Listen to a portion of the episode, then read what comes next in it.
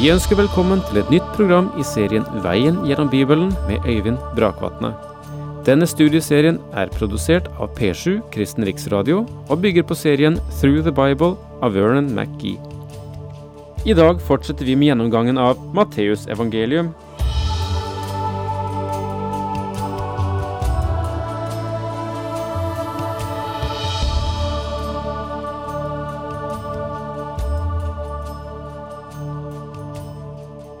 Vi avsluttet egentlig med noen hånsord i sitatet fra Skriften sist.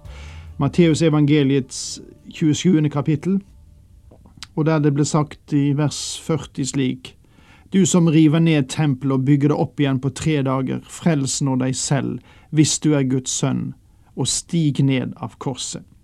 Og jeg stilte spørsmålet kunne han ha gjort det, og da i betydningen kunne han ha gjort det og likevel fullbyrdet den frelse som han gjorde.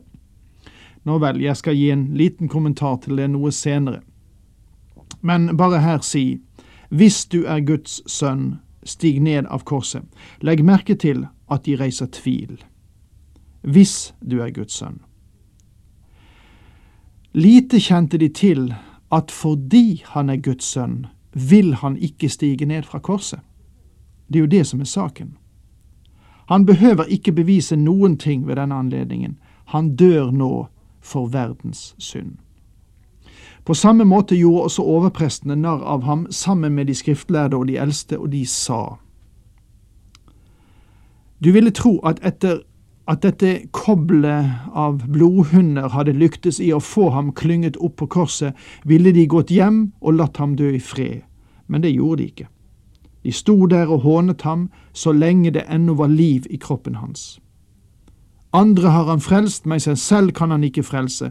Han er jo Israels konge, nå kan han stige ned av korset, så skal vi tro på ham. Det er en sann uttalelse. Andre har han frelst, men seg selv kan han ikke frelse. Om han skulle kunne frelse deg og meg, så måtte han dø på korset. Om han hadde kommet ned fra korset, så måtte du og jeg blitt tilintetgjort for våre synders skyld. Vi fortjener det. Vi er dømt til en evig fortapelse. Kristus tok vår plass. Like sikkert som han tok Barabbas' plass, så sto han der i vårt sted. Nå kan han stige ned av korset, så skal vi tro på ham. Ville de ha trodd ham? Nei, det tror jeg faktisk ikke.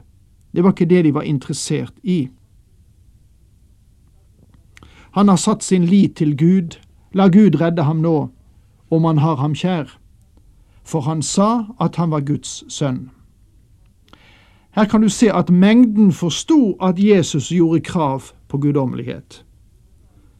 Av og til sies det i liberale teologiske leire at eh, Jesus gjorde egentlig ikke krav på og sa egentlig ikke at han var Guds sønn. Men her bekreftes det av de som sto der rundt korset. Der bekreftes det at han har sagt at han var Guds sønn. Også røverne som var korsfestet sammen med ham, hånte ham på samme måte. Matteus vender nå vår oppmerksomhet mot de røverne som var korsfestet sammen med ham, og det faktum at de slo følge med de religiøse lederne i å spotte ham. Matteus sier ingenting om at den ene av røverne til slutt vendte seg til Jesus. Det riket som er presentert i Matteusevangeliet, vil være på jorden, og den røveren som gjorde bot, gikk med Kristus til paradis den dagen. Fra den sjette time hvilte et mørke over hele landet, helt til den niende time. Herren ble hengt på korset ved den tredje time, som ville tilsvare ca. klokken ni på morgenen.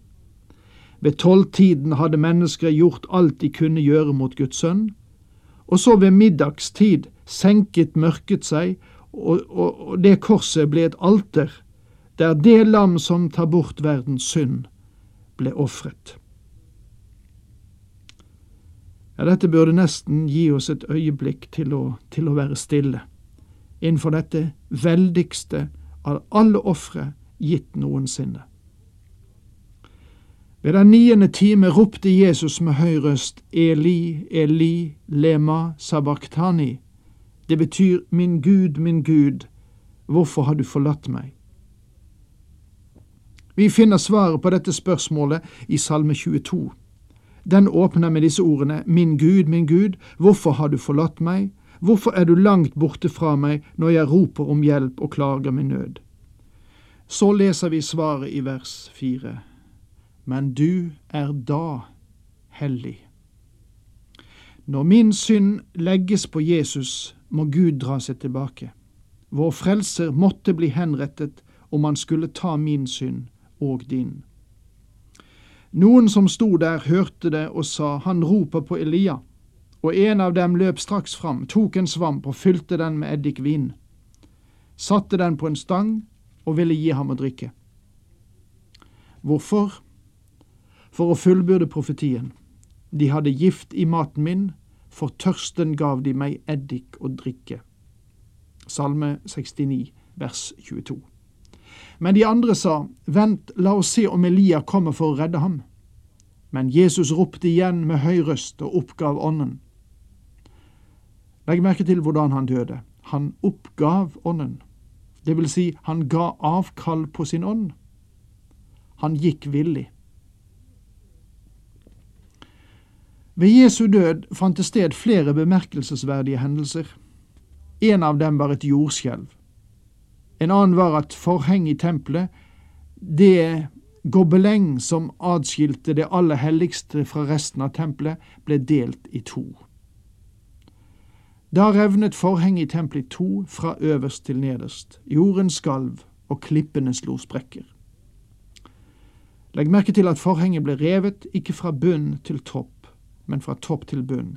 Det ble revet av Gud, ikke av mennesker. Dette forhenget symboliserer Jesu legeme. Da hans legeme ble slitt i stykker på korset, da han hadde betalt prisen for din synd og min synd i sitt eget legeme, da ble veien åpnet inn til Guds åsyn. Derfor trenger ikke du eller jeg, verken prest eller predikant, til å stå for Herrens åsyn på våre vegne. Vi kan gå direkte til Guds trone gjennom Kristus. La oss understreke at den eneste vei til Faderen er gjennom Sønnen. For der er én Gud og én mellommann mellom Gud og mennesker, mennesket Kristus Jesus. Slik skriver Paulus i 1. Timotius brev, kapittel 2, vers 5. Gravene åpnet seg, og mange hellige som var døde, sto legemlig opp. Etter Jesu oppstandelse gikk de ut av gravene og inn i den hellige by, hvor de viste seg for mange. Dette er en hendelse som blir nevnt av Matteus. Vi skulle ønske at det hadde vært sagt noe mer. Jeg kan bare si at jeg tror at det hendte akkurat slik Matteus forteller oss det, og at de sto opp og var en del av den gruppe som gikk til himmelen, bortførte fanger ved sin himmelfart. Se som sammenligning Efeserbrevet kapittel 4 versene 8 til 10. Det jordskjelvet som nevnes i vers 51, var et styrt jordskjelv, ikke tilfeldig, fordi gravene ble åpnet gjennom det, og mange hellige som var døde, sto legemlig opp. Bare noen bestemte.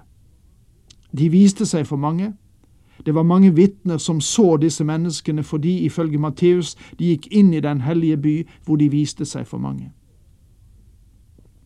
Men da offiseren og de andre som holdt vakt over Jesus, opplevde jordskjelvet og det som hendte, ble de grepet av redsel og utbrøt. Sannelig, han var Guds sønn. I Markus' gjengivelse sies det, da offiseren som sto rett foran ham, så hvorledes han utåndet, sa han, sannelig, denne mannen var Guds sønn. Åpenbart sto den romerske offiser som var ansvarlig for den faktiske korsfestelse under Kristi kors. Da han så noen av de undere som fant sted ved denne tid, og så Jesus oppgi sin ånd, så var det bekreftelse nok for ham om at han var Guds sønn. Jeg tror at den offiseren ble frelst. Kanskje han ikke visste så svært mye men han visste nok til å få sin plass under Kristi kors. Og det er det eneste Gud ber syndere om. Det var også mange kvinner der. De sto langt borte og så på. De hadde fulgt Jesus fra Galilea og tjent ham. Blant dem var Maria Magdalena, Maria som var mor til Jakob og Josef, og mor til Sebedeus sønnene. Da det ble kveld, kom en rik mann som het Josef og var fra Arimathea. Han var blitt en disippel av Jesus. Vi visste ikke at han var en disippel før akkurat nå.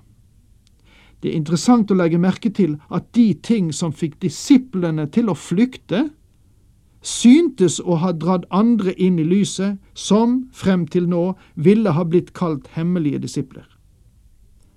Josef fra Arimathea ga seg nå til kjenne og bekreftet sin tro. Han gikk til Pilatus og ba om å få Jesu legeme. Pilatus ga da ordre om at det skulle gis ham. Josef dro til Pilatus på bakgrunn av at han var Jesu disippel. Josef tok legemet, svøpte det i et rent linklede. Johannes forteller oss at Nikodemus arbeidet sammen med Josef med forberedelsene til Jesu gravlegging. Også Nikodemus var der, han som kom til Jesus om natten. Han hadde med seg en blanding av myrra og aloe, omkring 100 pund. De tok da Jesu legeme og svøpte det i linklær med den velluktende salmen i, slik det er jødisk skikk når noen begraves. Omtalen der finner du i Johannes 19. Disse menn som øyensynlig hadde holdt seg i bakgrunnen, stiger nå frem og bekjenner seg som Jesu disipler. Og det er interessant, synes jeg, at bare kjærlige hender rørte ved Jesu legeme etter hans død. Og så fortsetter Skriften, Matteus 27, vers 60, og la de i en ny grav som var hogd ut til ham selv i bergveggen. Så rullet han en stor stein foran inngangen og gikk bort. Men Maria Magdalena og den andre Maria var der og satt rett overfor graven. Legg merke til denne ømme hendelsen i forbindelse med Jesu død. Flere kvinner var trofast og sto der ved korset. De var lojale, mens apostlene hadde flyktet. Og får jeg si det, i all ærbødighet, dette burde være en honnør også til kvinnene og deres trofasthet, som mange ganger er mye sterkere enn oss menn i kristne forsamlinger rundt omkring. Nær det høydedraget som betegner Gordons Golgata, er det et gravsted som pekes ut som den grav Jesus ble gravlagt i. Vi kan ikke få bekreftet at dette var Jesu grav. Det er mange graver i det samme området, og det kunne ha vært en av dem. Det er temmelig sikkert at hans grav har ligget i dette området, og den graven som blir pekt ut for turister, er like god som noen annen men å bestemme den nøyaktige beliggenheten av Golgata og graven for å gjøre dem til hellige valfartssteder, kan øyensynlig ikke ha vært Kristi hensikt. Det Herren vil vi skal gjøre, er å tro evangeliet, at Han døde for våre synder, ble begravd og sto opp igjen, og ta denne gode nyheten og føre den ut til jordens ender. Og der må vi si takk for i dag, Herren med deg.